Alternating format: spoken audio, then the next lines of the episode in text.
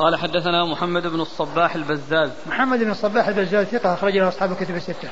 عن إبراهيم بن سعد. عن إبراهيم بن سعد وهو ثقة أخرجه أصحاب الكتب الستة. قال حاء وحدثنا محمد بن عيسى. قال حاء وهو التحول من إسناد إلى إسناد. حدثنا محمد بن عيسى وهو الطباع وهو ثقة أخرج له. البخاري تعليقا البخاري تعليقا. وأبو داود. والترمذي في الشمال والنسائي وابن ماجه. عن عبد الله بن جعفر. عن عبد الله بن جعفر المخرمي وهو ليس به بأس. وليس به بأس وهو بمعنى صدوق أخرج له البخاري تعليقا ومسلم وأصحاب السنن. البخاري تعليقا ومسلم وأصحاب السنن. وإبراهيم بن سعد عن سعد بن إبراهيم. سعد بن إبراهيم ثقة أخرجه أصحاب كتب الستة. عن القاسم بن محمد. القاسم بن محمد بن أبي بكر الصديق.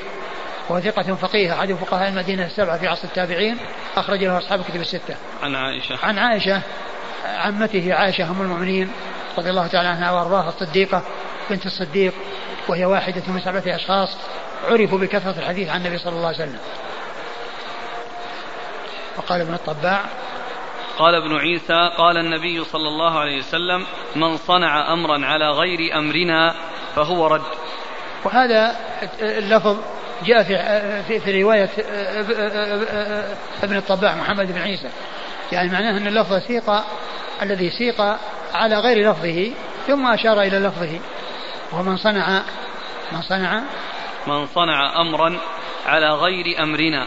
من صنع امرا على غير أمرنا فهو رد. والمقصود بمن صنع يعني من عمل. نعم.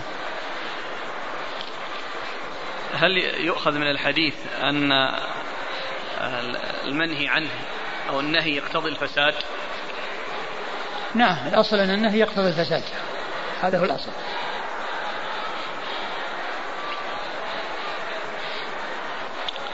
قال حدثنا أحمد بن حنبل قال حدثنا الوليد بن مسلم قال حدثنا ثور بن يزيد قال حدثني خالد بن معدان قال حدثني عبد الرحمن بن عمرو السلمي وحجر بن حجر قال أتينا العرباض بن سارية رضي الله عنه وهو ممن نزل فيه ولا على الذين إذا ما أتوك لتحملهم قلت لا أجد ما أحملكم عليه.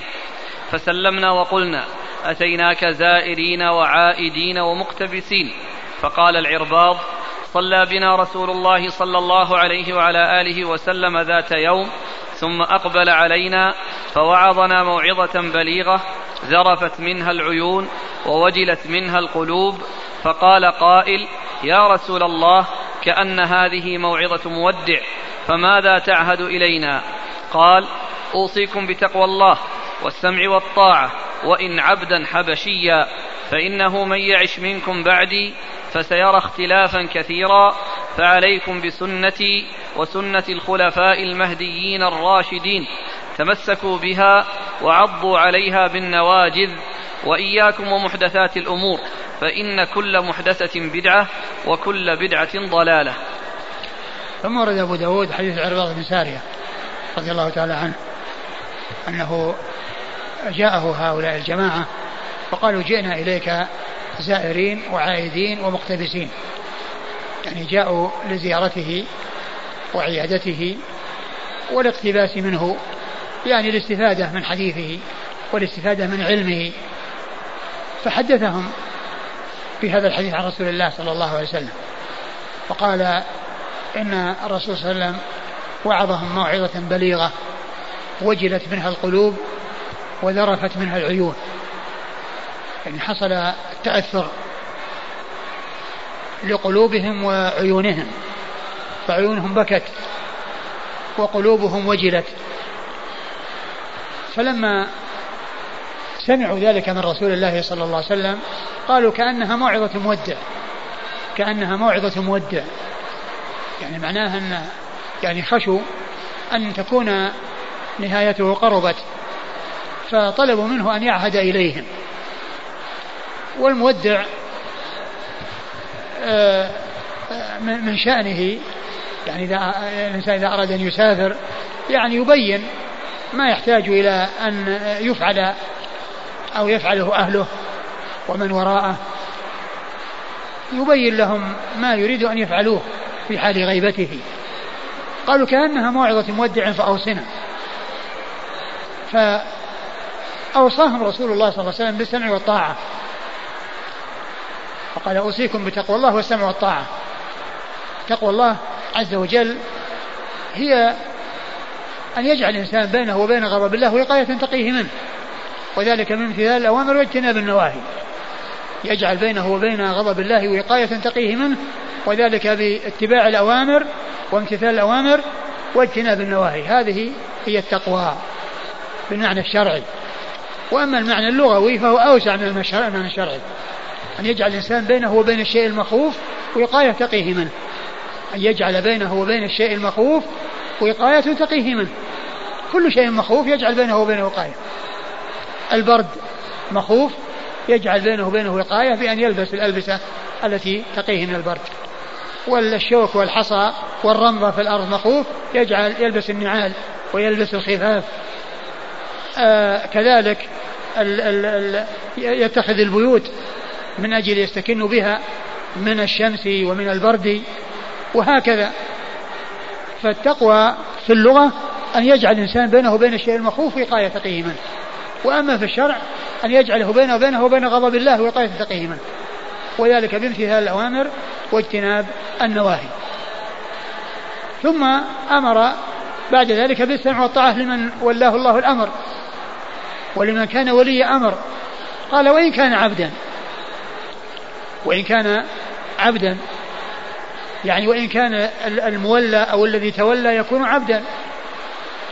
وهذا مما حذف فيه كان وخبر واسمها وبقي خبرها. وإن عبدا يعني وإن كان المتولي عبدا. لأن كان واسمها يأتي حذفها. تحذف كان واسمها ويبقى الخبر. كما هنا وإن, وإن عبدا. مثل وإن خيرا فخير وإن شرا فشر. وإن خيرا فخير وإن شرا فشر. هذا ما حدث فيه كان واسمها وهنا فيه الإرشاد إلى السمع والطاعة لمن تولى ولو كان عبدا. ومن المعلوم أن الإجماع منعقد على أنه لا يجوز أن يتولى العبد. وإنما ولي الأمر يكون حرا لا يكون عبدا لأن العبد منافعه مملوكة لسيده. ومن شأن الذي يتولى أن يكون متصرفا بمنافعه ومنافعه بيده وليست بيد غيره. وقد أجاب العلماء عن ما ورد من الأحاديث في السمع والطاعة للمتولي وإن كان عبدا بعدة أجوبة أو بأربعة أجوبة. أحدها أن المقصود من ذلك أن ولي الأمر يولي عبدا على ناحية وعلى أو على قرية أو على مدينة أو على جماعة يوليه عليهم ولي الأمر.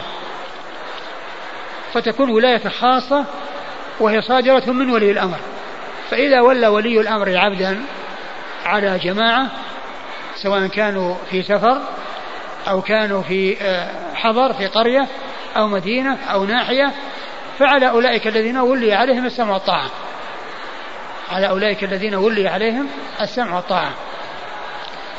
وقيل في معناه أن الشيء يذكر وإن كان لا يحصل من باب الإشارة إلى تحتم ذلك واللزوم لذلك لو كان حصل ذلك الشيء وإن كان لا يحصل. وإن كان لا يحصل.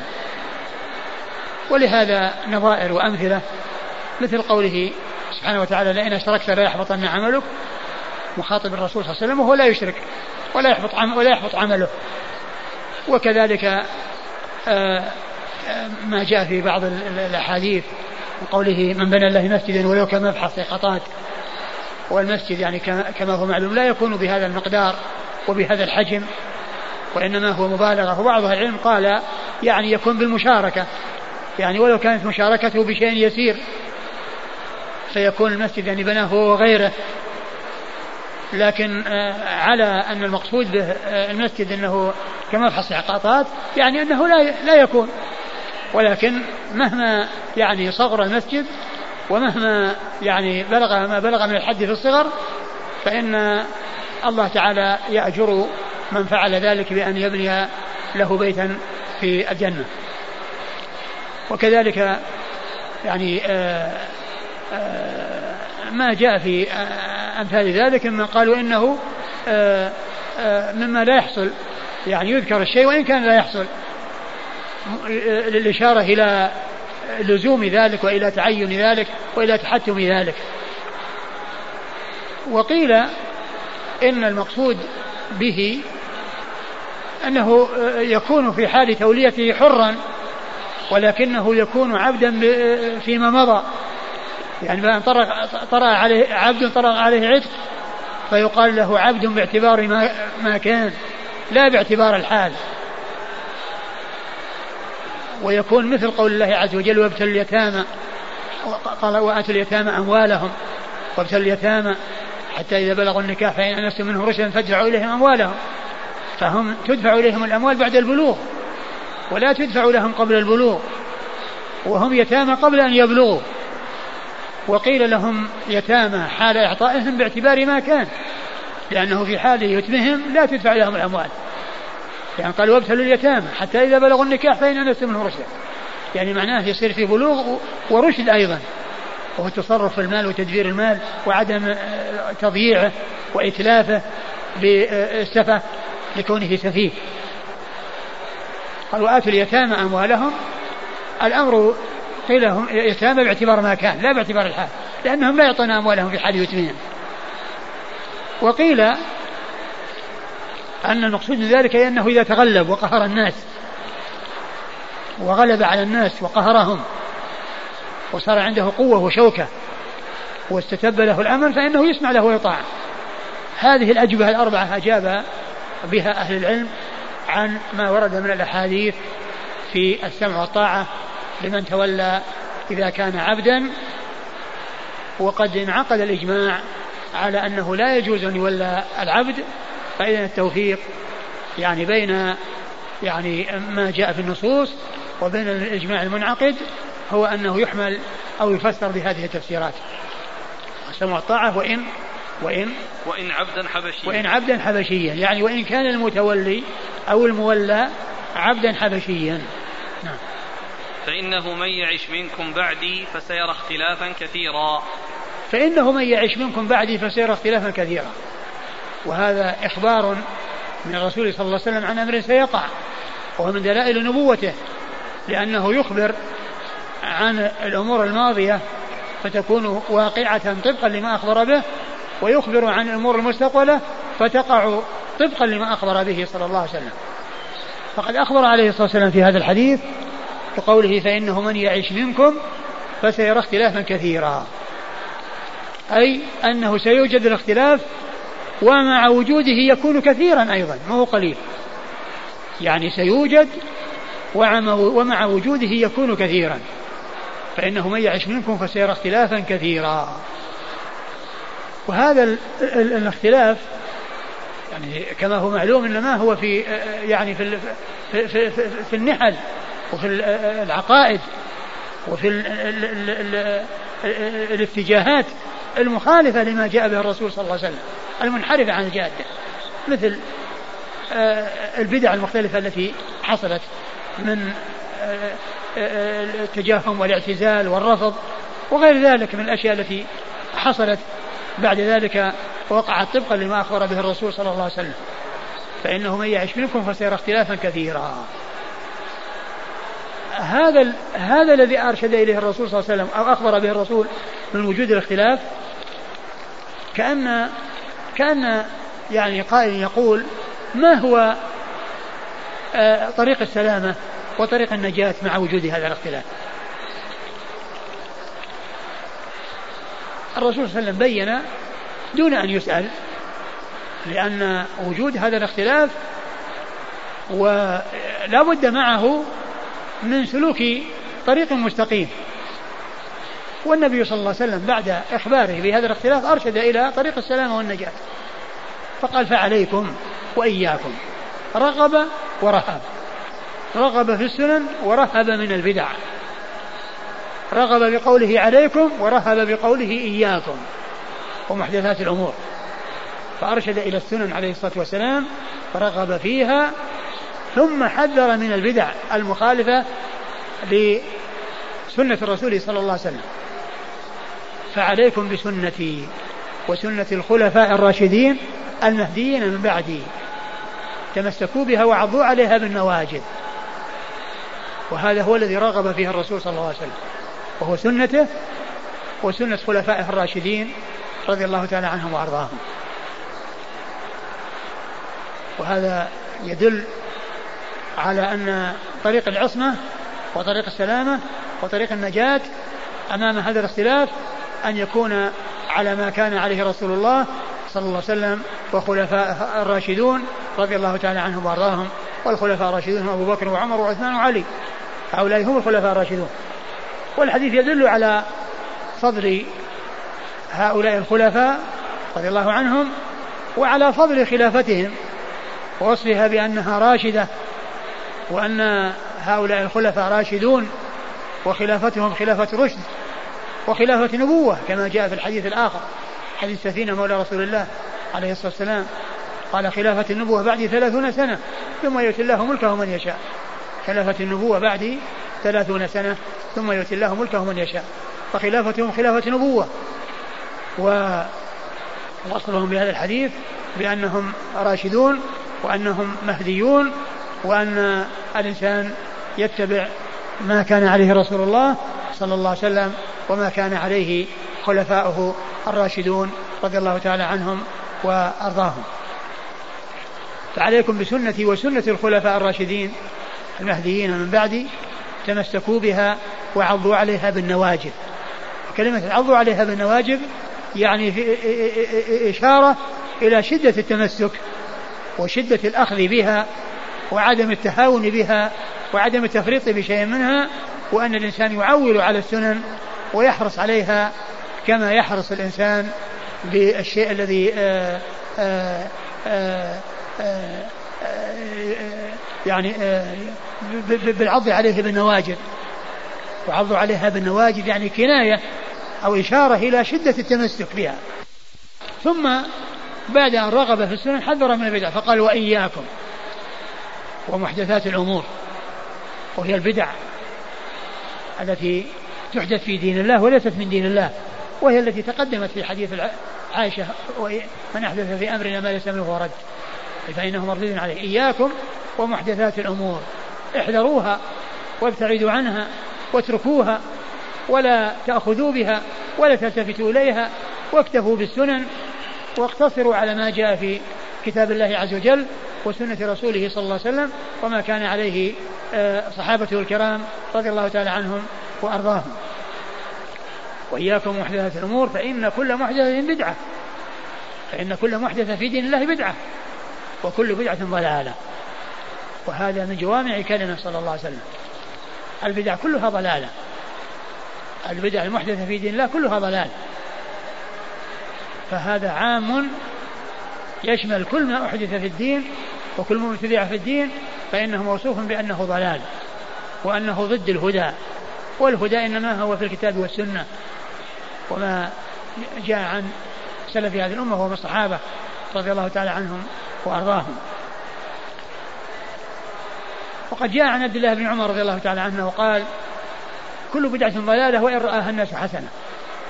كل بدعة ضلالة وإن رآها الناس حسنة. واللفظ كما قلت أنه عام باق على عمومه لا يستثنى منه شيء. كل البدع ضلال. لا يقال أن هناك بدعة حسنة. هناك بدعة حسنة. والرسول صلى الله عليه وسلم قال كل بدعة ضلالة. ولهذا بعض آه، آه، المبتدعة وبعض آه، من يسهل عليهم الأخذ بالبدع أو التهاون بشأن البدع يقولون بدع حسنة. الرسول صلى الله عليه وسلم يقول كل بدعة ضلالة. ثم يقال مع ذلك بدعة حسنة. أما ما جاء في الحديث من سن في الإسلام سنة حسنة فله أجرها وأجر من عمل بها. فهذا ليس من هذا القبيل. وإنما المقصود من ذلك إما أن يقصد المقصود به يعني آآ آآ سنة أميتت يعني يأتي إلى بلد لا توجد تلك السنة قد أهملت وأميتت فيحييها فيكون بذلك يعني أحياها وليس أحدثها أو يحمل على ما جاء في سبب الحديث. والرسول صلى الله عليه وسلم قاله بمناسبة وهي أنه جاء وهي أنه جاءه جماعة من مضر عليهم يظهر عليهم البؤس والفاقة وشدة الحاجة وجوههم شاحبة وثيابهم بالية. والرسول صلى الله عليه وسلم كما وصفه الله بالمؤمنين رؤوف رحيم صلوات الله وسلامه وبركاته عليه فتأثر ودخل بيوته وخرج يريد أن يحصل لهم شيئا فجمع الناس وحثهم على الصدقة والإحسان إلى هؤلاء. فجاء رجل من الأنصار معه صرة يكاد يعجز عن حملها فوضعها. وتتابع الناس وراءه. فعند ذلك قال عليه السلام من سن في الإسلام سنة حسنة فله أجره. فهو إما أن يحمل على سبب الحديث أو يقال إنه يدخل فيه من أحيا سنة قد أميتت. يعني سنة هي من سنة الرسول صلى الله عليه وسلم فأحياها بعدما اندثرت ولم توجد في بلد من البلدان نبه عليها وأحياها فيكون بذلك أحيا سنة. لا أنه يحدث شيئا يقال له سنة. يكون من عنده ويكون من ابتكاره ويكون من إحداثه ثم يقال له سنة. هذا لا يقال له سنة لأن الرسول صلى الله عليه وسلم قال كل بدعة ضلالة. كل بدعة ضلالة. وإياكم محدثات الأمور فإن كل محدثة بدعة وكل بدعة ضلالة. نعم. قال حدثنا أحمد بن حنبل. أحمد بن حنبل مر ذكره. والولي عن الوليد بن مسلم والوليد بن مسلم الدمشقي وهو ثقة أخرج له أصحاب كتب الستة. عن ثور بن يزيد عن ثور بن يزيد وهو ثقة أخرج له البخاري وأصحاب السنن البخاري وأصحاب السنن. عن خالد بن معدان عن خالد بن معدان ثقة أخرج له أصحاب كتب الستة. عن عبد الرحمن بن عمرو السلمي عن عبد الرحمن بن عمرو السلمي وهو مقبول أخرج له أبو داود والترمذي بن ماجه أبو داود والترمذي وابن ماجه. وحجر بن حجر وحجر بن حجر وهو مقبول أخرجه أبو داود والترمذي. وهذان يعني كل واحد منهم مقبول والمقبول هو الذي إذا وجد يعني ما يشده ويقويه فإنه آه، يحتج به. وهنا كل واحد منهما كمل الآخر. نعم.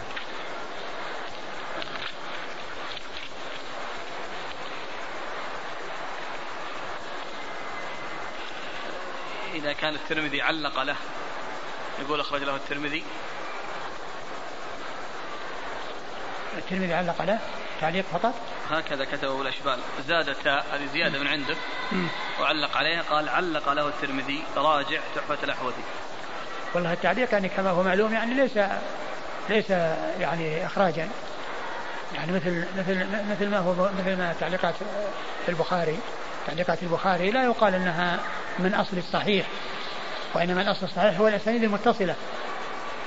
لكن في التقريب قال دال وتاء لا تقريبا دال. التاء هذه زادها في طلعة الأشبال آه. وعلق عليها قال أخرج. له الترمذي علق له الترمذي. انظر إيه تحفة إيه. لا يعني ما ما يقال إن مجرد التعليق إنه إخراج.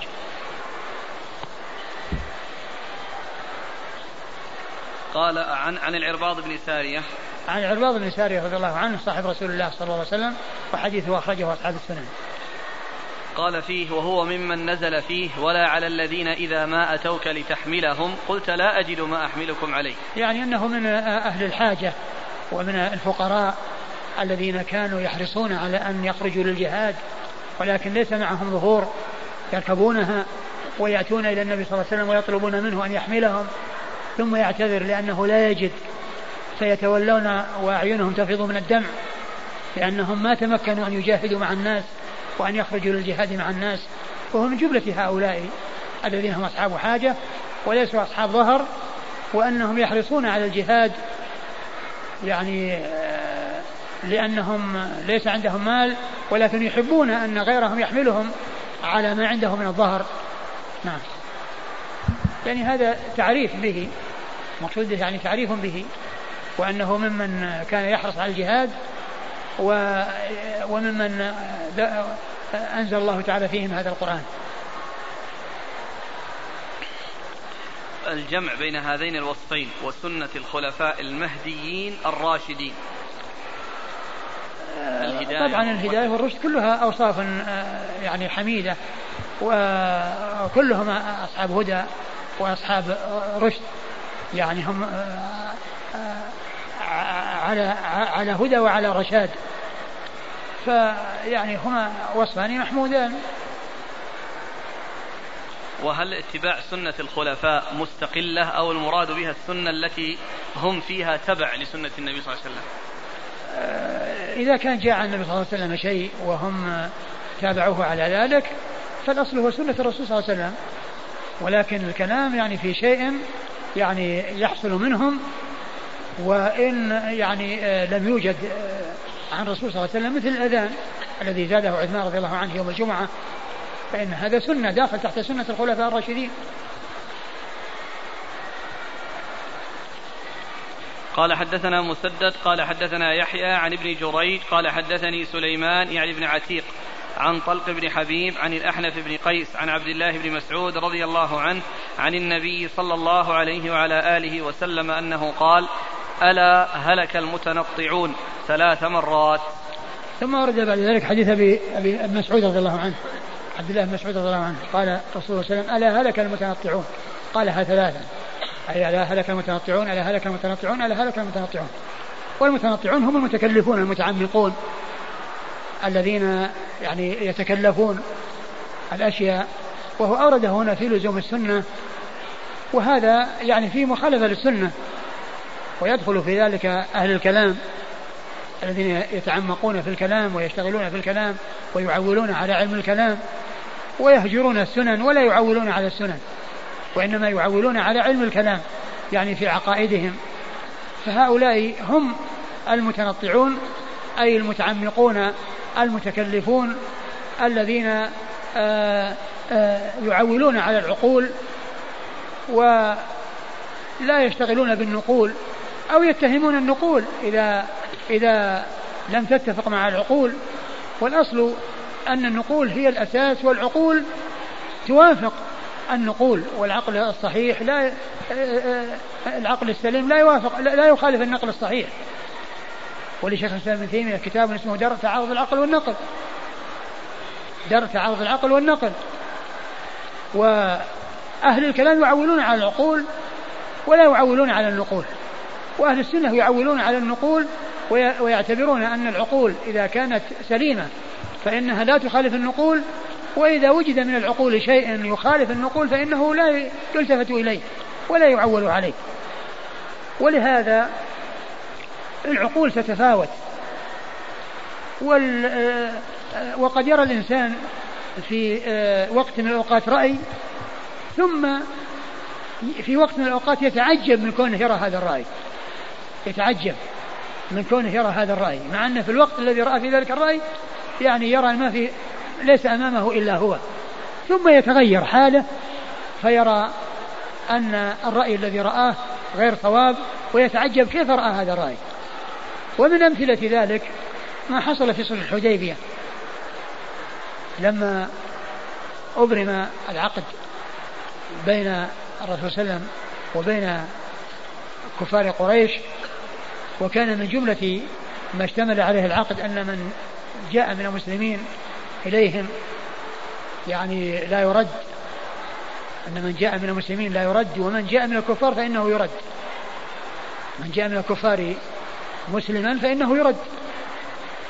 والصحابة رضي الله عنهم وأرضاهم بعضهم يعني تأثر من هذا من هذا الذي رضي به الرسول صلى الله عليه وسلم. وقالوا أن هذا فيه يعني كيف نعطي الدنية في ديننا؟ والرسول صلى الله عليه وسلم رضي بهذا. وكانت النتيجة بعد ذلك أن أولئك الذين أسلموا وفروا من الكفار والرسول صلى الله عليه وسلم لم يقبلهم بناء على هذا الصلح وهم لا يريدون أن يرجعوا الكفار صاروا في طريق على ساحل البحر فكانوا يعترضون العير التي تأتي لقريش فعند ذلك تأذى نفس الكفار من هذا من هذا الفعل. تأذى الكفار من هذا الفعل وحتى رغب الكفار أنفسهم أن أن أن الرسول يقبلهم وأن لا يبقوا على هذا الوضع الذي هم عليه مع أنهم هم الذي اشترطوا هذا الشرط. لكن محل الشاهد أن بعض الصحابة رضي الله عنهم وأرضاهم تأثر يعني من هذا من هذا العمل وكانت النتيجة خيرا. ولهذا كان بعض الصحابة عندما يحصل يعني شيء يستدل بهذه القصة فيقول اتهموا الرأي في الدين. اتهموا الرأي في الدين. قال ذلك سهل بن حنيف رضي الله عنه. يعني في آه، آه، في في, في آه، إحدى المواقع التي حصلت بين علي ومعاوية رضي الله تعالى عنهما وأنه لما حصل التحكيم وأن وكان يعني بعض الجماعة الذين مع علي رضي الله عنه يريدون أن يواصلوا وكان سهل ممن يرى أن يترك القتال وأن يوقف القتال حقنا للدماء ويقول يا أيها الناس اتهموا الرأي في الدين. ويشير إلى قصة الحديبية. فالعقول متفاوتة بل عقل الإنسان بين حين وآخر يتغير من رأي إلى رأي ومن حال إلى حال. فالأصل هو النقول والعقول الصحيحة لا تخالف النقول آه، والعقول إذا كانت مخالفة للنقول فإنه لا يلتفت إليها والتعويل على النقول وهذه طريقة أهل السنة والجماعة يعولون على النقول ويتهمون العقول بخلاف أهل البدع فإنهم يعولون على العقول ويتهمون النقول يعولون على العقول ويتهمون النقول. عبد الله بن مسعود رضي الله عنه قال ألا هلك المتنطعون ثلاث مرات. نعم الإسناد قال حدثنا مسدد. مسدد بن مسرهد البصري ثقة أخرجه البخاري وأبو داود والترمذي والنسائي. عن يحيى. عن يحيى بن سعيد القطان ثقة أخرجه أصحاب كتب الستة. عن ابن جريج. عن ابن جريج عبد الملك بن عبد العزيز بن جريج المكي وثقة أخرج له أصحاب كتب الستة. عن سليمان يعني بن عتيق. عن سليمان بن عتيق وهو صدوق أخرج له مسلم. صدوق أخرج له مسلم وأبو داود والنسائي بن ماجه. مسلم وأبو داود والنسائي بن ماجه. عن طلق بن حبيب. عن طلق بن حبيب وهو صدوق أخرج البخاري في الأدب المفرد ومسلم وأصحاب السنن. أخرجه البخاري في الأدب المفرد ومسلم وأصحاب السنن. عن الأحنف بن قيس. عن الأحنف بن قيس وهو ثقة وهو ثقة أخرج له أصحاب كتب الستة. عن عبد الله بن مسعود. عن عبد الله بن مسعود الهذلي صاحب رسول الله صلى الله عليه وسلم وحديثه أخرجه أصحاب كتب الستة. انتهى الباب. نعم. والله تعالى أعلم وصلى الله وسلم وبارك على عبده ورسوله نبينا محمد وعلى آله وأصحابه أجمعين. جزاكم الله خيرا وبارك الله فيكم ونفعنا الله بما قلتم يقول الخطابي وفيه دليل على أن الحكم بظاهر الكلام وأنه لا يترك الظاهر إلى غيره ما كان له مساغ وأمكن فيه استعمال. نعم هذا هو الأصل. لكن يعني فين أخذها؟ هلك المتنطعون. الكلام الآن على التعمق. يعني كأنه يعني الذين يعني, يعني بشيء يعني خلاف الأصل. أو خلاف يعني ظاهر الكلام. أو ظاهر النصوص. يعني بحيث يعني يلوون أعناقها. ويعني ويجذبونها إلى أشياء لا تدل عليه. بالتنطع والتكلف.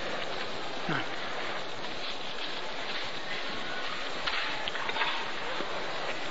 بما أننا يعني الكلام عن لزوم السنة والتحذير من البدع ومن عاش رجب رأى عجب الرجبية وبدعة الإسراء والمعراج.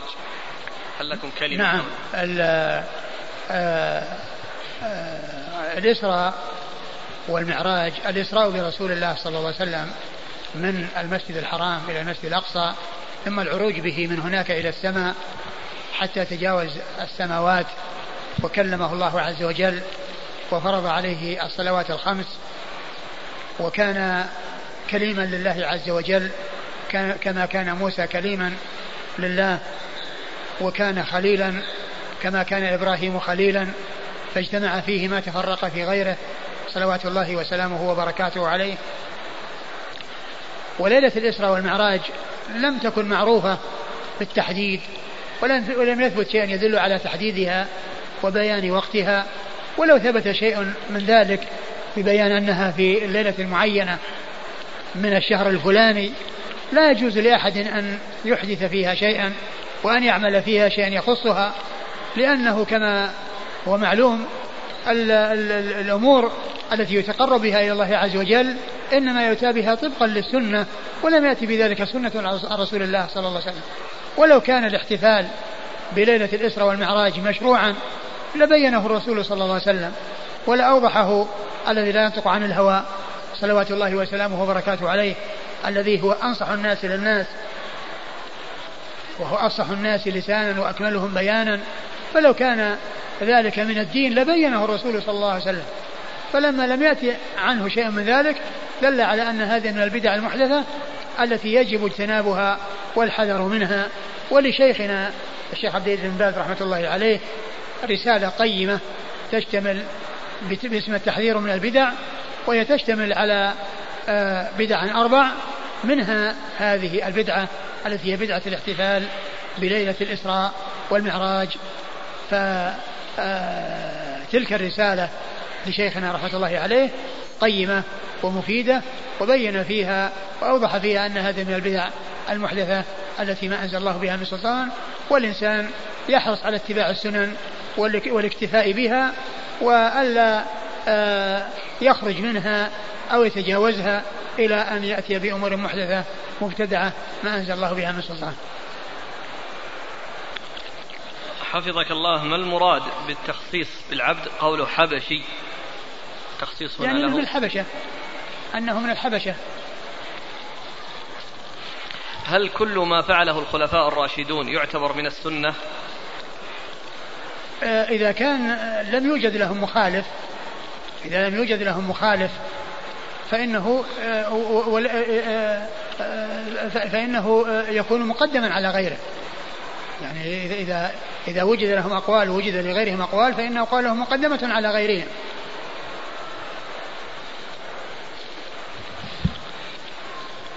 يقول من ردوا على من يضعف حديث العرباض بن سارية وحجته أن العرباض رضي الله عنه ليس من الصحابة الملازمين للرسول صلى الله عليه وسلم بل جاء من البادية وأخذ الحديث ورجع وأن الحديث على الرغم من أنه موعظة إلا, أنه لم يروه إلا العرباض. آه، كما هو معلوم الحديث إذا ثبتت عن رسول الله صلى الله عليه وسلم من طريق واحد فإنها كافية ولا يحتاج إلى يعني آه إلى أن يبحث لها عن أشياء تساندها ما دام الحديث يعني ثابت. بإسناده وجاء عن شخص واحد فإنه يكفي ولا يقال أنه لا بد أن يأتي آه، له ما يشهد له. وهذا هو شأن النصوص. لو أخذ بمثل هذا المبدأ كان كثير من النصوص أيضا يقال فيها ما يقال في هذا الكلام ويشكك فيها. وإنما أن كل ما ثبت عن رسول الله صلى الله عليه وسلم من صحابي آه، من أصحاب رسول الله تلقاه عن رسول الله صلى الله عليه وسلم سواء كان ملازما أو غير ملازم فإن الحجة تقوم به ولا يلتفت إلى آه، كونه آه، لم يلازمه أو كونه مدة قليلة معه. يكفي. الذين جاءوا حضروا حجة الوداع وشهدوا وسمعوا خطبته صلى الله عليه وسلم أو خطبه صلى الله عليه وسلم ثم رجعوا إلى بلادهم وحدثوا بما سمعوا. يقال لا يعني هؤلاء يعني ما لازموا الرسول صلى الله عليه وسلم. من حضر حجة الوداع وسمع والرسول صلى الله عليه وسلم قال خذوا عني مناسككم فلعلي لا ألقاكم بعد عامي هذا. وشاهدوه وعينوه وفيهم من لم يره بعد ذلك. يقال إنه آآ آه، آآ آه، لا يعول عليه ولا يلتفت إليه. هذا كلام باطل. من من كان جاهلا وعمل ببدعة وهو يظن أنه يتقرب بها إلى الله تبارك وتعالى فهل يثاب على عمله ذلك ويعذر بجهله؟ الأصل أن البدع مردودة على صاحبها سواء كان الإنسان عمل بها وهو عالم أو عمل بها وهو جاهل. هل يجوز أن يقال فلان سني مبتدع لكونه يقول بقول أهل السنة في الأسماء والصفات والربوبية والألوهية ولكنه يؤذن في القبر وعنده بعض البدع؟ ما يقال سني مبتدع وإنما يقال سني عنده بدعة أو عنده يعني يعني شيء من البدع. أو أما يقال يعني سني مبتدع هذه متقابلة ضدان. فسني يعني معناه أنه على السنة مبتدع معناه أنه ليس على السنة. يعني فهما ضدان. لكن كونه يعني يقال عنده بدعة أو عنده آه، مخالفة أو عنده يعني شيء من الأمور التي تعذر هذا يمكن. مثل ما قال إنك امرؤ فيك جاهلية. يعني الذي أبي ذر. إنك امرؤ فيك جاهلية. ما قال أنك جاهلي أو من أهل الجاهلية. يعني فيك خصله من خصال الجاهلية. جزاكم الله خيرا. وبارك الله فيكم. وأحسن الله إليكم. ونفعنا الله.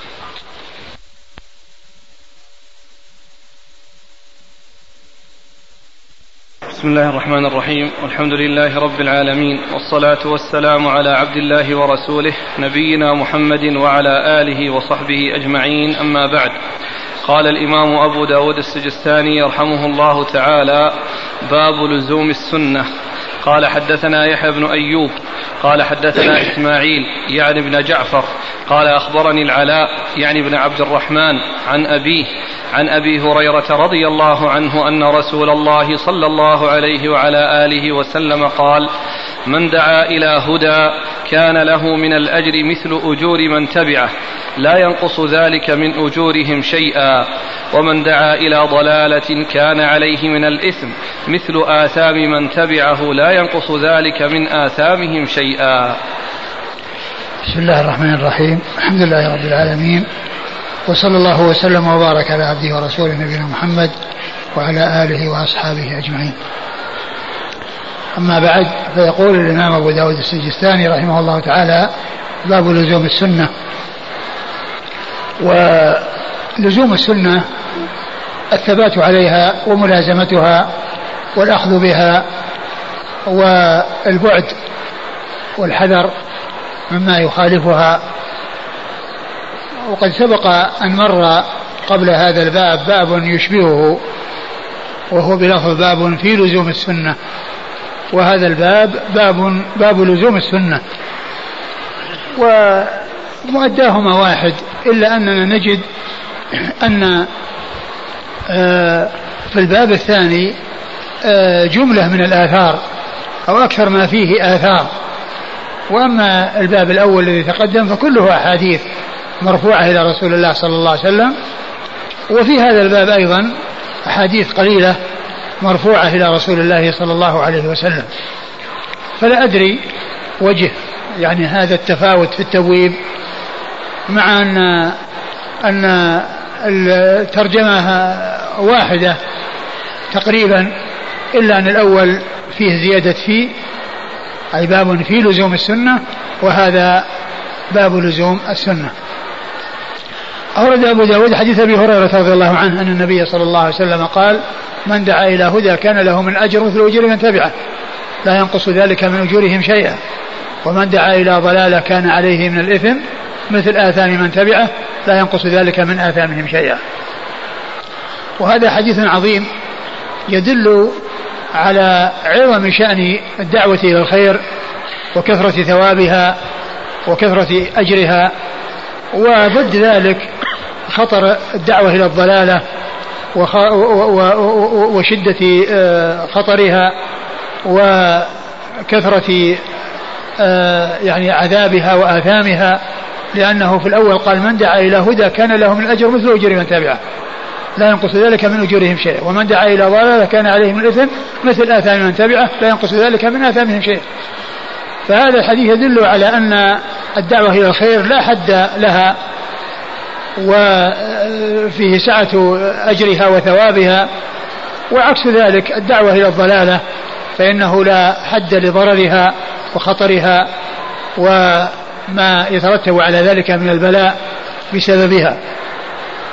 ففيه الحث على الدعوة إلى الخير والدعوة إلى الهدى الدعوة إلى الكتاب والسنة ولزوم ما كان عليه السلف هذه الأمة. لأن في ذلك الخير وفي ذلك الأجر والثواب من الله عز وجل.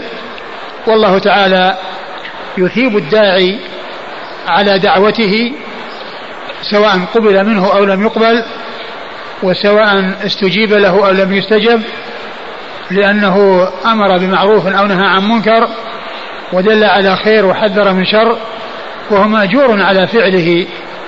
وإن استجيب له فإن ذلك الذي يستجيب له يأجره الله عز وجل على عمله ويأجر من كان سببا في هدايته ومن كان دله على الخير مثل أجره. أي أن الداعي يحصل أجرا مثل أجر المدعو عندما يستجيب للدعوة ويعمل عملا صالحا فالله يثيب ذلك المدعو على هذا العمل الصالح الذي عمله ويثيب الذي دعاه وكان سببا في هدايته بمثل ما أثابه وآجره عليه. ثم وضح ذلك بقوله من غير أن ينقص ذلك من, من, أجورهم شيئا. يعني أن هذا الثواب الذي يحصله الداعي بسبب هداية غيره على يديه ليس مأخوذا من أجر المدعو وأنه بعض من أجر المدعو وإنما أجر المدعو له كاملا والله تعالى يثيب الداعي بمثل ما أثاب به المدعو تفضلا منه وإحسانا لأنه هو الذي دل على الخير وكان السبب في هذا الخير الذي حصل لذلك المدعو. فقوله صلى الله عليه وسلم من غير أن ينقص من أجورهم شيئا في احتراس لئلا يظن أن هذا الذي يؤجره المدعو جزء من الأجر الذي حصل أن هذا الذي يحصل من الأجر للداعي جزء من الأجر الذي حصل للمدعو.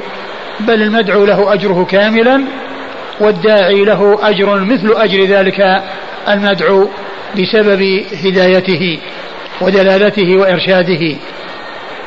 ثم إن هذا الأجر العظيم وهذا الثواب الجزيل الذي ظفر به على التمام والكمال نبينا محمد صلى الله عليه وسلم. لأنه هو الذي دل أمته على كل خير وحذرها من كل شر فله أجور أعماله صلى الله عليه وسلم وله مثل أجور أمته كلها من أولها إلى آخرها. لأنه هو الذي دلهم على الحق والهدى. ومن دل على هدى كان له من أجر مثل أجور من تبعه. فرسول الله صلى الله عليه وسلم له أجور أعماله صلوات الله وسلامه وبركاته عليه وله مثل أجور أمته كلها من أولها إلى آخرها. لأنه هو الذي دلهم على الحق والهدى فله مثل أجورهم صلوات الله وسلامه وبركاته عليه. وهذا يدل على عظم مكانته وعلو منزلته وعلو منزلته لأنه يحصل من الأجور أجور أعماله ومثل أجور أمته كلها من أولها إلى آخرها. لهذا الحديث لأن هذا الحديث يدل على ذلك. وأسعد الناس حظا ونصيبا بعد رسول الله صلى الله عليه وسلم بمقتضى هذا الحديث أصحاب رسول الله صلى الله عليه وسلم ورضي الله عنهم وأرضاهم. لأنهم هم الذين تلقوا عن الرسول صلى الله عليه وسلم الحق والهدى ونقلوه إلى الناس ودلوا الناس عليه.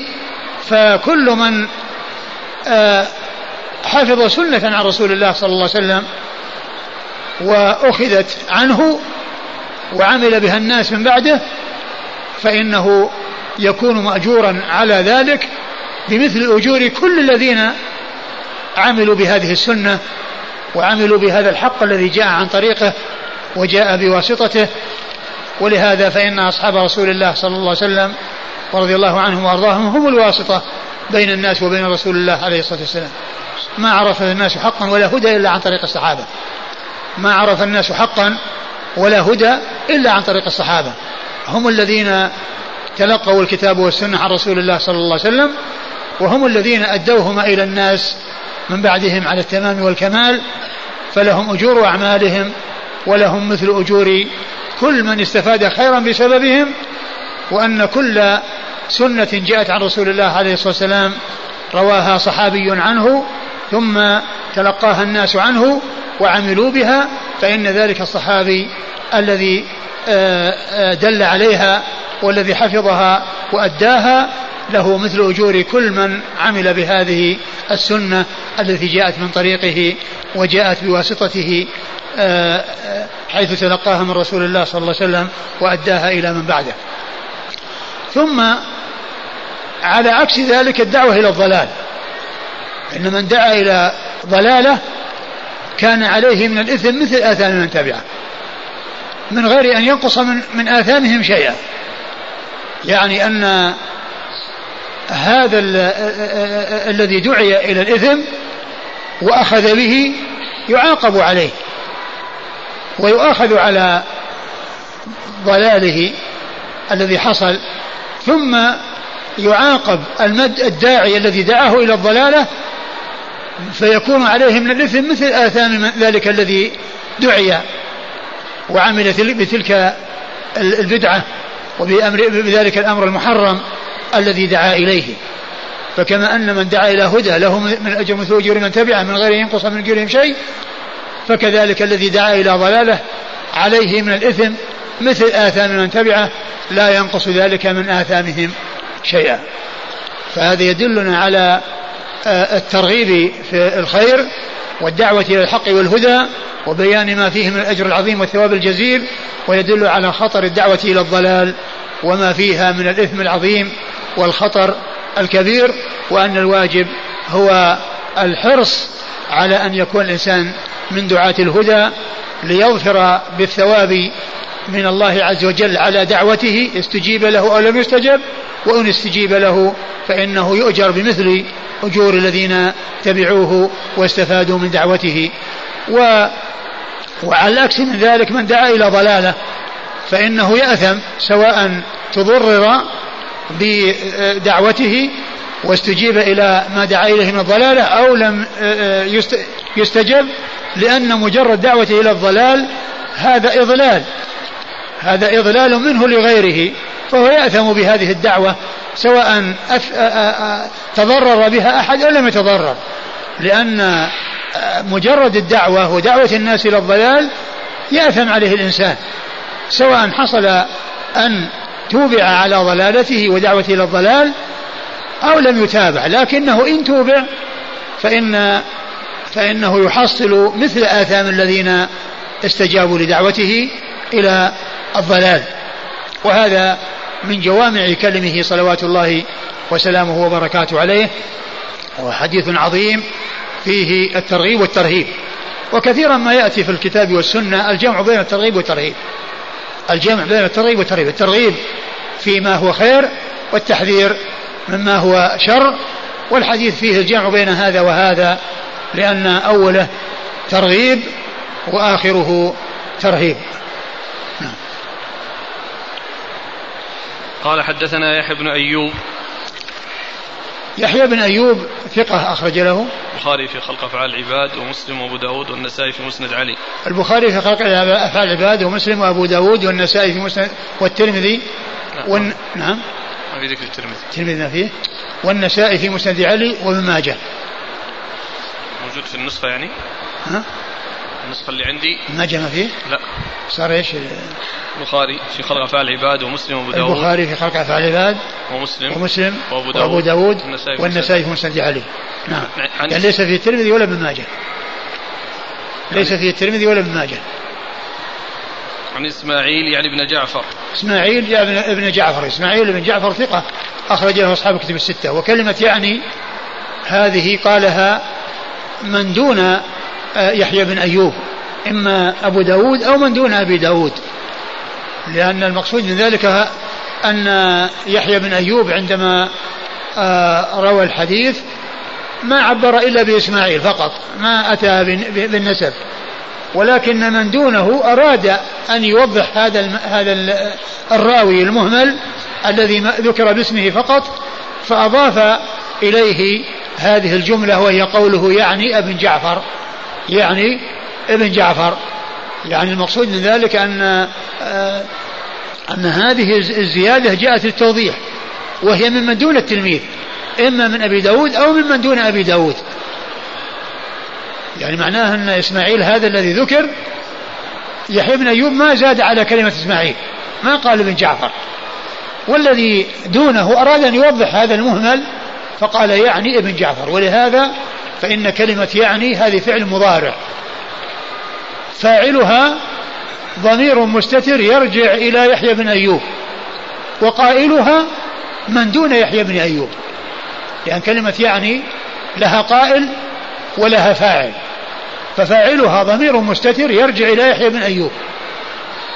وقائلها هو من دون يحيى بن أيوب إما أبو داود وإما من دون أبي داود. وهو ثقة أي يحيى بن إسماعيل بن جعفر أخرج له أصحاب كتب الستة. عن العلاء. وفي طبقة إسماعيل بن علية في طبقة إسماعيل بن علية لأن كل منهما من شيوخ شيوخ أبي داود. فيحتمل أن يكون هذا ويحتمل أن يكون هذا لكن إذا جاء مثل هذه العبارة وضحت من هو هذا المهمل. ولو لم تأتي فإنه يمكن معرفة المهمل بشيوخه وتلاميذه. نعم. عن العلاء يعني ابن عبد الرحمن. عن العلاء يعني ابن عبد الرحمن ابن يعقوب الحرقي وهو صدوق أخرج له البخاري في في في, في جزء القراءة ومسلم وأصحاب السنن. عن أبيه.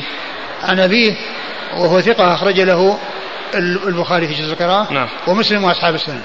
عن أبي هريرة.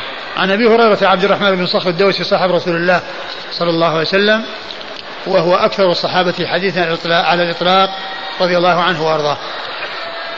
صلى الله إليك في طبعة عون المعبود في تبويب بعنوان آخر. باب من دعا إلى السنة. حديث عن المعبود؟ إيه؟ من دعا إلى السنة؟ ثم وضع تحتها بين معكوفتين باب لزوم السنة.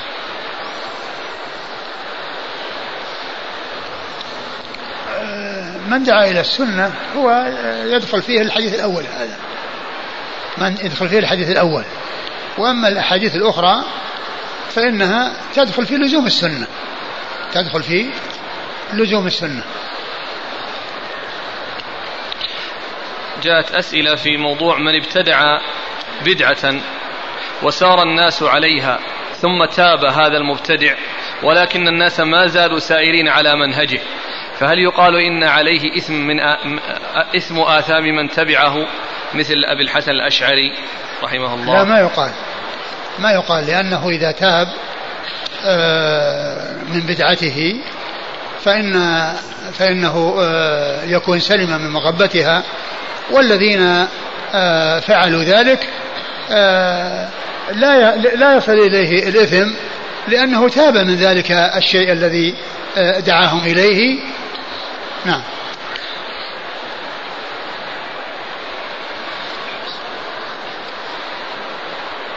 يقول استدل العلماء من هذا الحديث أنه لا يجوز أن يحج أحد عن النبي صلى الله عليه وسلم لأن الأجر له.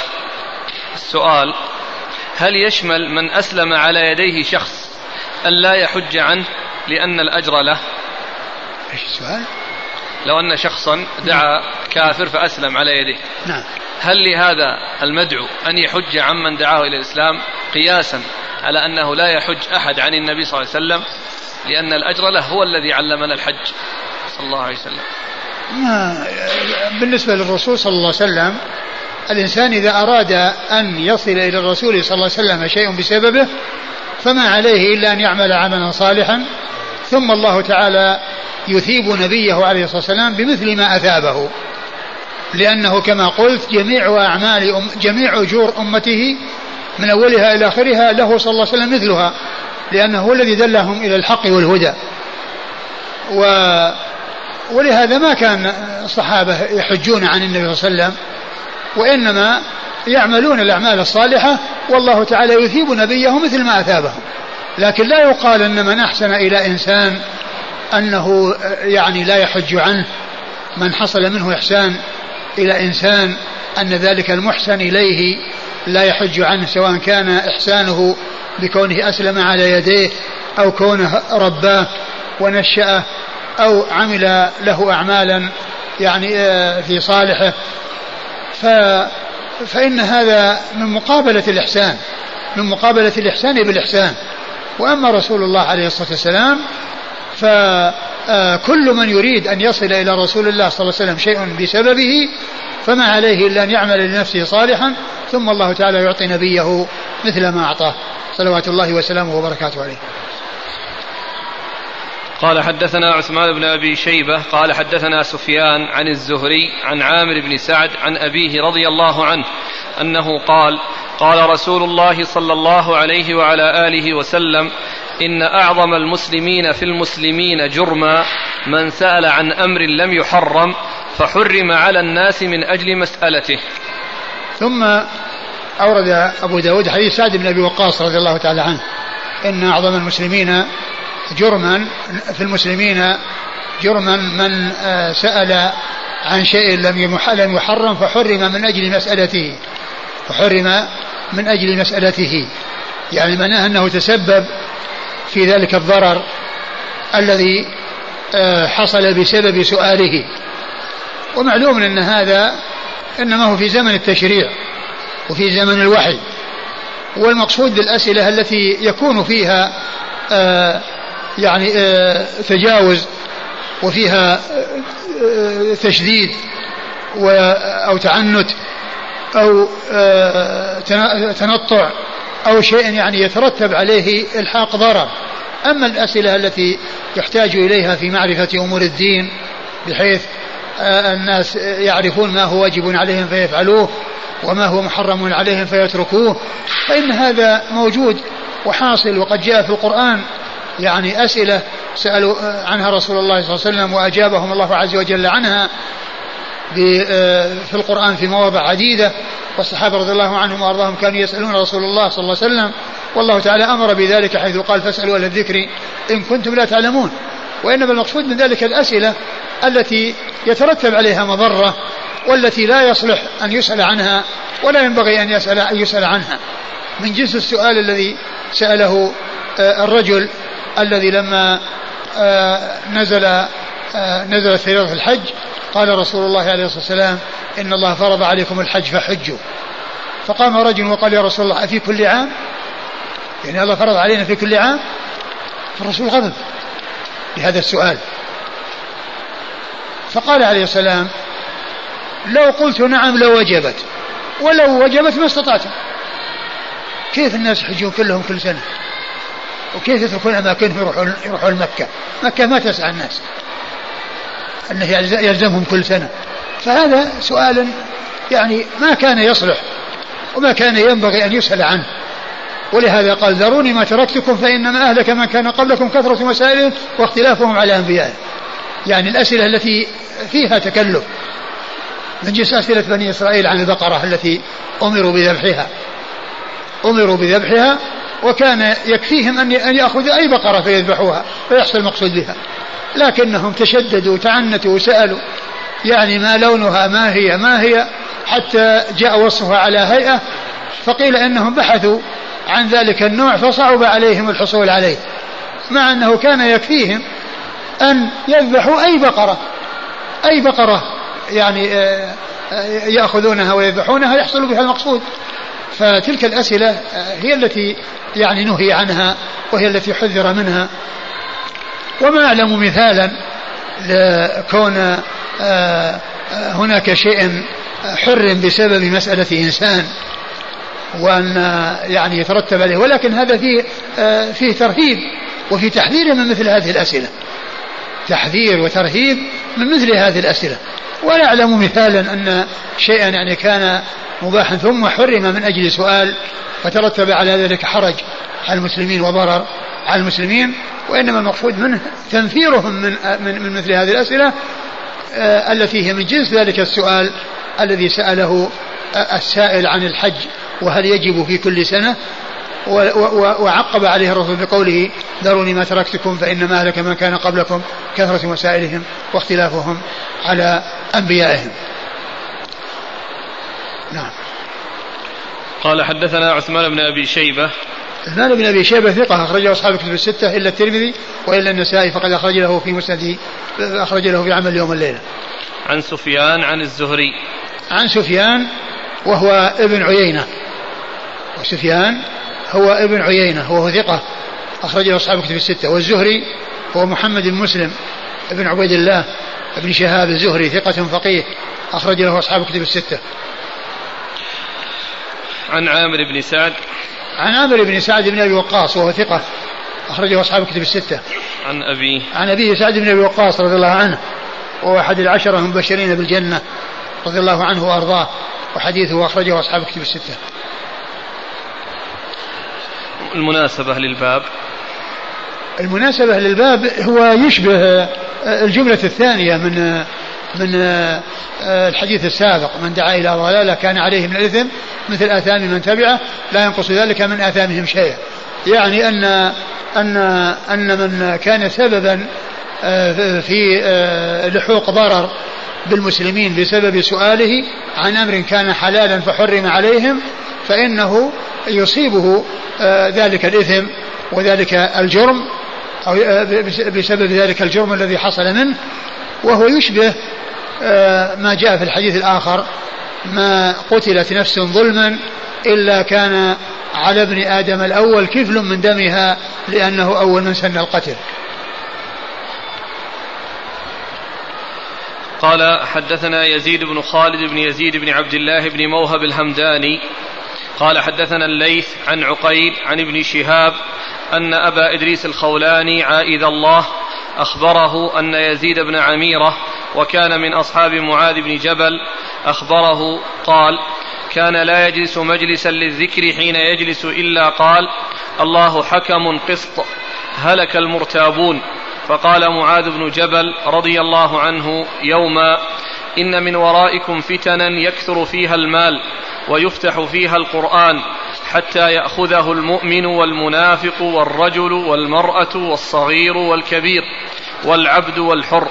فيوشك قائل أن يقول ما للناس لا يتبعوني وقد قرأت القرآن. ما هم بمتبعي حتى أبتدع لهم غيره. فإياكم وما ابتدع. فإنما ابتدع ضلاله. وأحذركم زيغة الحكيم. فإن الشيطان قد يقول كلمة الضلالة على لسان الحكيم. وقد يقول المنافق كلمة الحق. قال قلت لمعاذ ما يدريني رحمك الله أن الحكيم قد يقول كلمة الضلالة وأن المنافق قد يقول كلمة الحق؟ قال بلى اجتنب من كلام الحكيم المشتهرات التي يقال لها ما هذه ولا يثنينك ذلك عنه. فإنه لعله أن يراجع وتلقى الحق إذا سمعته فإن على الحق نورا. قال أبو داود قال معمر عن الزهري في هذا الحديث ولا ينئينك ولا ينئينك ذلك عنه مكان يثنينك. وقال صالح بن كيسان عن الزهري في هذا المشبهات مكان المشتهرات. وقال ولا يثنينك كما قال عقيل. وقال ابن إسحاق عن الزهري قال بلى ما تشابه عليك من قول الحكيم حتى تقول ما أراد بهذه الكلمة. ثم ورد أبو داود هذا الأثر عن معاذ بن جبل رضي الله تعالى عنه وقد قال يحيى بن عميرة وهو من أصحابه يزيد, يزيد, يزيد بن عميرة وهو من أصحابه أن معاذا ما كان يجلس مجلسا للذكر إلا قال إن الله حكم قسط هلك المرتابون هلك المرتابون. يعني فكان يقول هذه ويكررها في مجالسه التي يذكر فيها الناس ويعظ فيها الناس وينصح فيها الناس. إن الله حكم قسط هلك المرتابون. ثم إنه قال يوما من الأيام يعني أن هذا الذي مر كان يكثر من ذكره. في مجالسه المتعددة. وأنه في مجلس من المجالس يوما من الأيام قال مع هذه الكلمة التي يقولها دائما هذه الجمل الآتية وهي قوله إن من ورائكم فتنا يكثر فيها المال. إن من ورائكم فتنا يعني أمامكم فتنا يكثر فيها المال. المال يكثر ويفيض على الناس ويفتح فيها القرآن فيقرأه حتى يأخذه المؤمن والمنافق. حتى يأخذه المؤمن والمنافق. والرجل والمرأة. والرجل والمرأة. والصغير والكبير. والصغير والكبير. يعني كل يقرأ القرآن.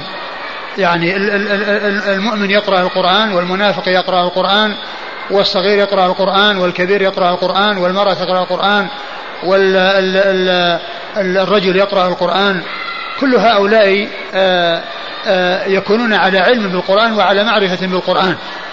فكل هؤلاء يقرؤونه لأن لأنهم آه، كلهم حصل لهم ذلك. نعم. فيوشك قائل أن يقول ما للناس لا يتبعوني وقد قرأت القرآن. فيوشك قائل أن يقول ما بال الناس لا يتبعوني وقد قرأت القرآن؟ يعني معناه أنه يعني يدعوهم إلى إلى القرآن ويدعوهم إلى ما في القرآن فلا يستجيبون له.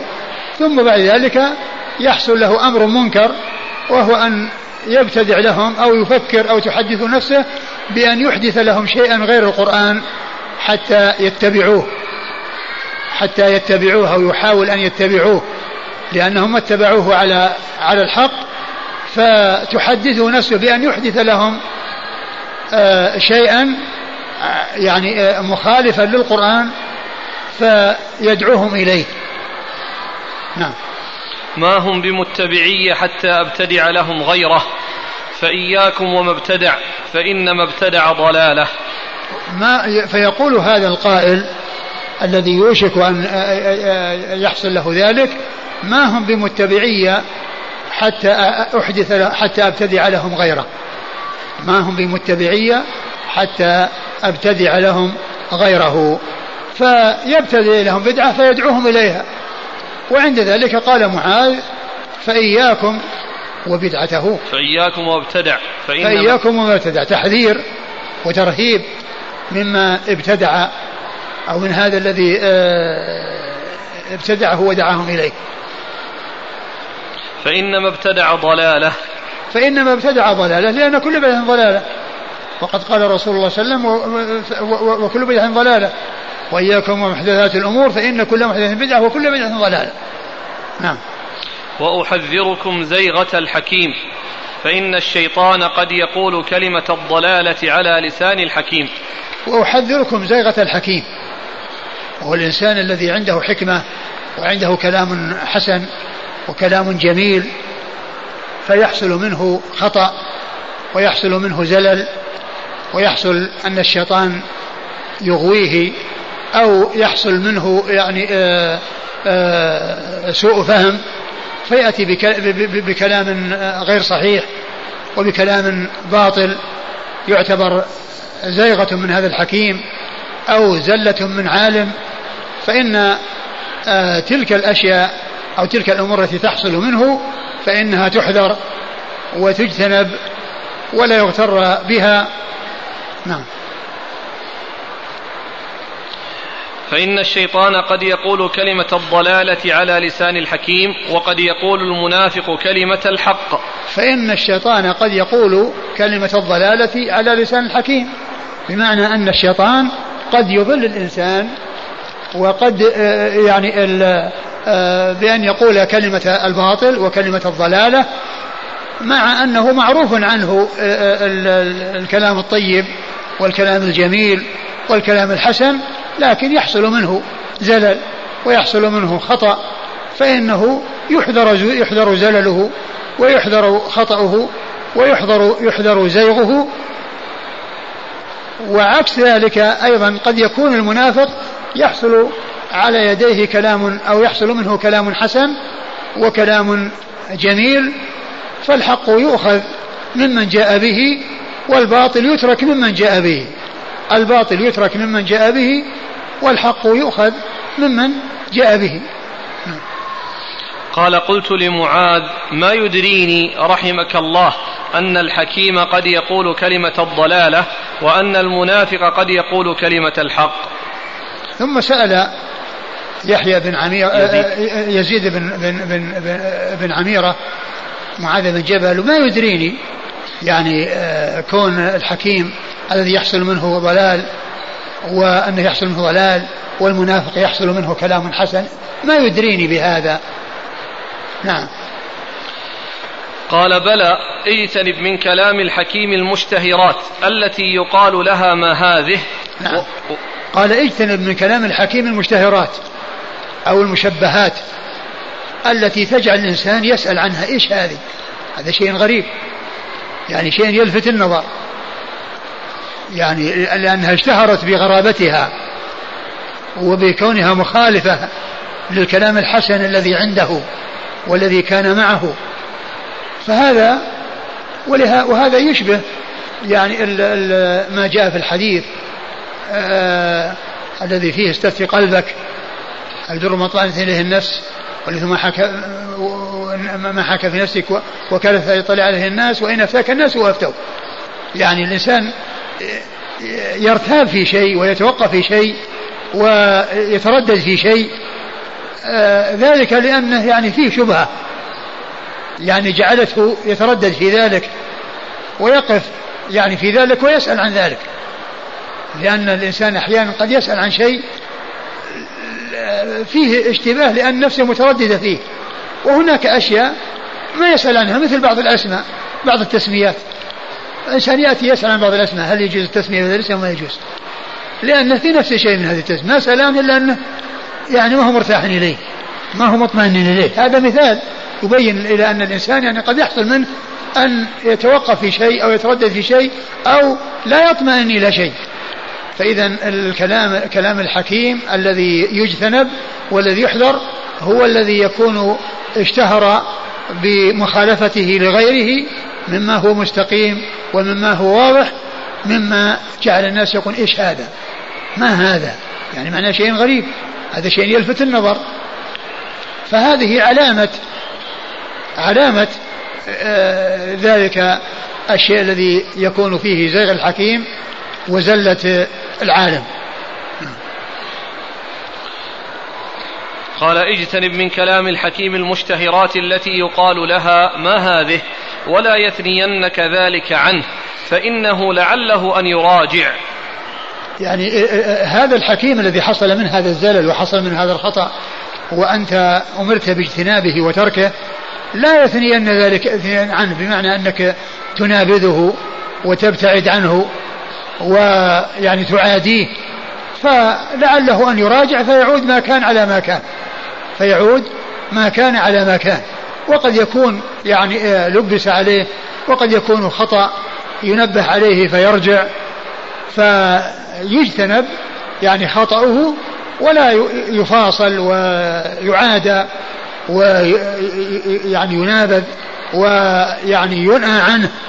ولهذا قال لا يثنينك يعني يعني معناه يرجع عنك عنه أو يعطفنك عنه. وفي بعض الروايات لا ينهينك عنه يعني يبعد يبعدك عنه ذلك لأنه من النأي وهو البعد. وهم ينهون عنه وينأون عنه يعني يبتعدون عنه. نعم. فإنه لعله أن يراجع وتلقى الحق إذا سمعته فإن على الحق نورا. وهذا يرجع إلى كلمة إلى المنافق. وتلقى الحق إذا سمعته فإن على الحق نورا يعني يعرف الحق. يعني من من من من, من, من, من, هو مبطل وممن هو يعني على ضلال قد يكون أن يقول كلاما حسنا فيكون مقبولا ويكون صحيحا. والحق ضالة المؤمن يأخذه يأخذه من أين وجده؟ ولهذا جاء في القرآن لما ذكر الله عز وجل عن الكفار والذين إذا فعلوا ف وإذا فعلوا فاحشة قالوا وجدنا عليها آباءنا والله أمرنا بها. الله عز وجل هم ذكروا شيئين. والله أنكر عليهم واحدة وأقر الثانية. لأنها حق هذا هو, هو الواقع. وجدنا عليها آباءنا نعم هو هذا حق كلام صحيح.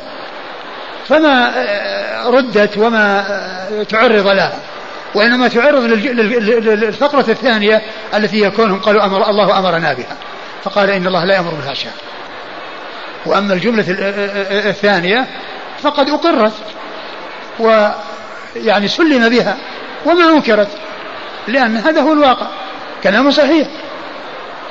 وإنما الكلام الغير الصحيح هو كونهم يقولون إن الله أمرنا بها. فسكت عن واحدة وأنكر الثانية. سكت عن واحدة لأن كلام حق كلام واقع وكلام صحيح ولهذا جاء في القرآن. ان وجدنا ابانا على امه وأنا على اثارهم مهتدون وأنا على اثارهم مقتدون. يعني هذا هو الواقع. فهم ذكروا شيئين فأقروا على واحد واحدة وسكت عنها والثانية أنكرت عليهم. قل إن الله لا يأمر بالفحشاء. إن الله لا يأمر بالفحشاء. نعم. قال أبو داود قال معمر عن الزهري في هذا الحديث ولا ينئينك ذلك عنه مكان يثنينك. يعني أن معمر روى الحديث عن الزهري ولكنه أتى بدل يثنينك ينئينك. وينئينك يعني يعني يبعدنك لأنه من النأي والبعد. يعني ما تنأى عنه ولا تبتعد عنه وتفاصله وتتركه وتنفض يدك منه وتسلط لسانك عليه بسبب هذه الزلة. ما كان ما يسلم أحد من الزلل. ما يسلم أحد من الخطأ. ولو كان كل من أخطأ يعني ينابذ ويعني يبتعد عنه ما يسلم أحد من أن يحصل له ذلك. ما يسلم أحد من أن يحصل له ذلك. وإنما العالم إذا حصل منه خطأ فإنه يقبل ما عنده من الحق. ويحذر ما عنده من الخطأ ولا يفاصل وينابذ ويترك ما عنده من العلم. فإن من العلماء من ابتلوا ببعض مشايخهم وحصل لهم التضرر ببعض المشايخ فصار عندهم شيء من الانحراف في العقيدة. ومع ذلك هم علماء ومحدثون ولهم مؤلفات واسعة. والناس لا يستغنون عن علمهم وعن حديثهم. فلو كان من حصل منه خطأ يترك ويترك ما عنده لتركت هذه المجلدات الكثيرة التي آه، ألفها بعض أهل العلم من المحدثين الذين حصل منهم شيء من الأخطاء في العقيدة. مثل ما حصل للإمام البيهقي رحمة الله عليه فإنه حصل له كلام في العقيدة في بعض الجوانب يعني غير مصيب فيه.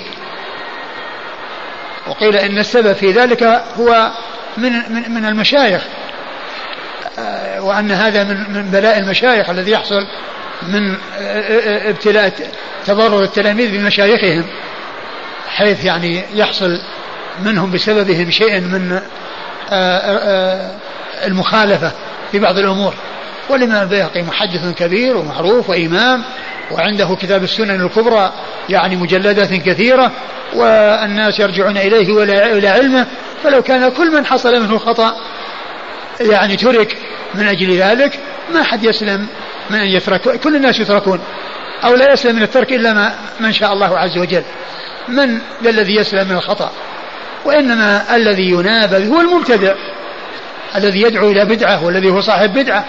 أما إنسان من أهل السنة وخدم السنة واجتهد في آه، نفع الناس ثم حصل منه خطأ فإنه لا يترك أو لا تترك جهوده ولا يحذر منه. نعم يحذر من من, خطأه ويحذر من يحذر من زلته ولكن علمه والانتفاع بعلمه والدعاء له والحث على الاستفادة من علمه والتحذير من خطئه هذا هو الذي ينبغي. نعم. وقال صالح بن كيسان عن الزهري في هذا المشبهات مكان المشتهرات. نعم المشبهات. يعني صالح بن كيسان عبر بقوله المشبهات بدل المشتهرات. وكل منها صحيح المشتهرات لأنها اشتهرت بغرابتها والمشبهات لأن فيها شبهة. مثل ما مثل ما قال الرسول صلى الله عليه وسلم الحلال بين والحرام بين وبينهما مشبهات أو بينهما أمور مشتبهات. لا يعلمون كثير من الناس فمن اتقى الشبهات فقد استبرع لدينه وعرضه ومن وقع في الشبهات وقع في الحرام. كالراعي يرعى حول الحمى الحديث نعم. وقال لا يثنينك كما قال عقيل. يعني وقال لا يثنينك كما قال عقيل في الرواية التي ساقها المصنف ولم يقل ينئينك. مثل ما قال معمر. الزهري قال بلى ما تشابه عليك من قول الحكيم حتى تقول ما أراد بهذه الكلمة. نعم. وهذا يعني رواية ابن إسحاق قال ما تشابه عليك من قول الحكيم حتى قلت ما أراد بها الكلمة. لأن كلام مشتبه. كلام غير واضح. يعني ما ما هذا؟ قلت ما هذا؟ إيش المراد بهذا؟ إيش المقصود بهذا؟ لأن كلام غريب. يعني فيه اشتباه. نعم. قال حدثنا يزيد بن خالد بن يزيد بن عبد الله بن موهب الهمداني. يزيد بن خالد هو ثقة أخرجه أبو داود النسائي بن ماجه. أخرجه أبو داود النسائي بن ماجه. عن الليث. عن الليث بن سعد المصري ثقة فقيه. أخرجه أصحاب كتب الستة. عن عقيل. عن عقيل بن خالد بن عقيل. وهو ثقة. أخرج له أصحاب كتب الستة. عن ابن شهاب عن أبي إدريس الخولاني عائد الله. عن ابن شهاب وقد مر ذكره. وأبو إدريس الخولاني واسمه عائد الله وهو ثقة أخرج له أصحاب كتب الستة. عن يزيد بن عميرة. عن يزيد بن عميرة وهو صدوق. ثقة أخرج أبو داود والترمذي والنسائي. وهو ثقة أخرج أبو داود والترمذي والنسائي. عن معاذ بن جبل. عن معاذ بن جبل رضي الله عنه صاحب رسول الله صلى الله عليه وسلم وحديثه أخرجه أصحاب كتب الستة. قال أبو داود قال معمر عن الزهري. قال أبو داود قال معمر وهو معمر بن راشد الأزدي البصري ثم الكو... ثم اليماني وهو ثقة أخرجه أصحاب كتب الستة. الآن هذا يعتبر معلق. ها؟ قال أبو داود قال معمر أو بالإسناد. ما أدري. يعني يمكن في الإسناد أو يمكن في الإسناد وقال صالح بن كيسان عن الزهري. قال صالح بن كيسان صالح بن كيسان ثقة أيضا أخرجه أصحاب كتب الستة. كما وقال ابن إسحاق عن الزهري. وقال ابن إسحاق عن الزهري بن إسحاق هو محمد بن إسحاق المدني صدوق أخرجه البخاري تعليقا ومسلم وأصحاب السنن هل يؤخذ من قول معاذ معاذ رضي الله عنه ولا يثنينك ذلك عنه؟ يدل على وجوب إقامة الحجة على المخالف وعدم منابذته ابتداء. نعم يدل على ذلك. وهنا قال إذا سمعته. هل يعتبر هذا القيد في أنه إذا سمع الحق فلا يذهب يطلب الحق عند المنافق والمبتدع؟ إيش السؤال؟ هنا في, في كلام معاذ.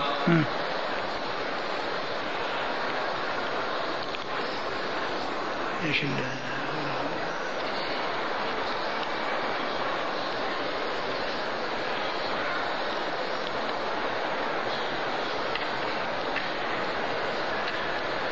نعم الحق لا يبحث عن عن عند المبتدع. لا يبحث عن عند المبتدع ولا عند المنافق. لكنه إذا سمع أو بلغه شيء عن عن مثل هؤلاء وكان كلاما حقا فإنه يكون مقبولا لأن الحق ضالة المؤمن.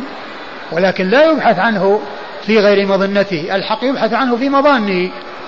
لكنه إذا وجد في غير مظنته لا يترك ويرد بل يقبل. ويقال هذا كلام حق. ونحب أن يضيف إليه الأمور الأخرى التي تنكر عليه حتى يكون كلامه كل حق. وهل يدل هذا الأثر على جواز طلب العلم عند أهل البدع إذا علمت بدعته؟ والآخر يقول كثير من طلاب العلم يقول إن الحق يؤخذ من كلام كل أحد حتى من المبتدع فيجوز القراءة في كتب أهل البدع والاستماع لأشرطتهم بما في ما لأخذ ما, ما فيها. ما يجوز القراءة في كتب أهل البدع ولا الاستماع لأشرطتهم إلا لبيان ما عندهم من الضلال حتى يحذر حتى يحذر ذلك.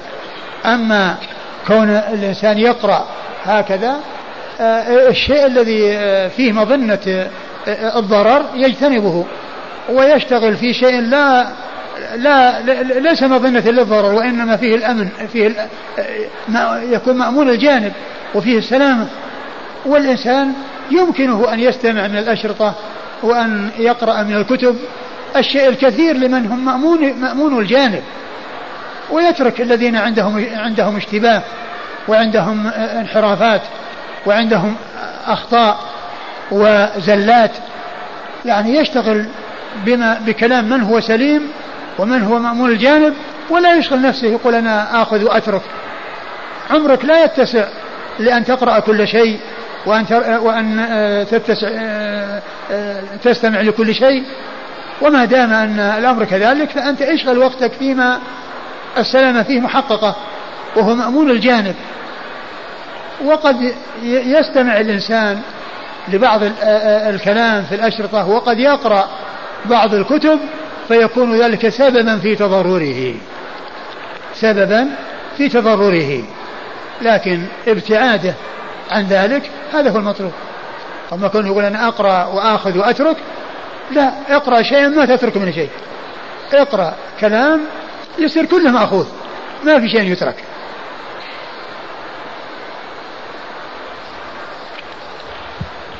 قال حدثنا محمد بن كثير قال حدثنا سفيان قال كتب رجل إلى عمر بن عبد العزيز يسأله عن القدر.